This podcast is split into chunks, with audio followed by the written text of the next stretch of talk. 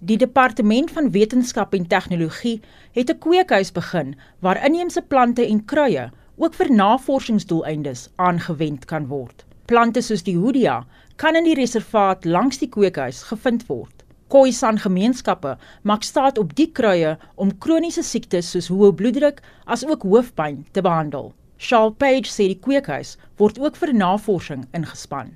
Ons het ook vir mense van buite af wat inkom om met die san geneesere genees te word en hulle het baie goeie genees moontlikhede al die plante van die sandmense en die medisonale projek is so 2006 2007 begin waar hulle begin het om die plante te kweek om dan ook te sien wat die uitwerking van elke plant is op watter siekte. Die kennis oor tradisionele geneesmiddels om te oorleef is van een generasie na die volgende oorgedra. Een van die tradisionele gebruikers, Kloppan Swarts, verduidelik. Nou jy kom koe, is 'n baie goeie medisyne. Ons neem hom mooi, ons fisies maak hom bietjie droog. Of jy kan hom nat nat ook gebruik. Dan vat jy 'n paar, so vyf stuk, ses stukkies.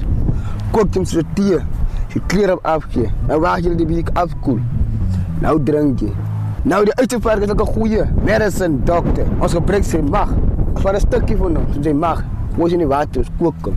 Hy maak jou mag mooi skoon jou bloedstelsel werk mooi skoon, jou niere goed maak mooi skoon. Die bestuurder van die natuurreservaat, Dirk Pinaar, sê om in die Kalahari te woon, moet jy spesiale kennis oor die omgewing en die natuur hê. Dit is baie belangrik vir my as 'n persoon om die kennis wat ek het as Boesman of as Komanishan oor te dra aan die nuwe generasie. Van dit sal regtig nie net die nuwe generasie nie, maar ons kinders self 'n tuiste van selfwees en regtig te laat verstaan. Ek is 'n boesman en dit is my spasie in die lewe, spesiaal in verband met natuur en hoe hulle natuur moet verstaan en dit vir die toekoms is uiters belangrik want sonder die natuur gaan ons nêrens heen nie. Die gebruik van plante vir farmaseutiese verbruik is nog nie behoorlik ontgin nie en projekte soos hierdie is daarop gemik om die verborgde potensiaal te ontsluit. Die verslag is saamgestel deur Lereko Motseko in die Noord-Kaap.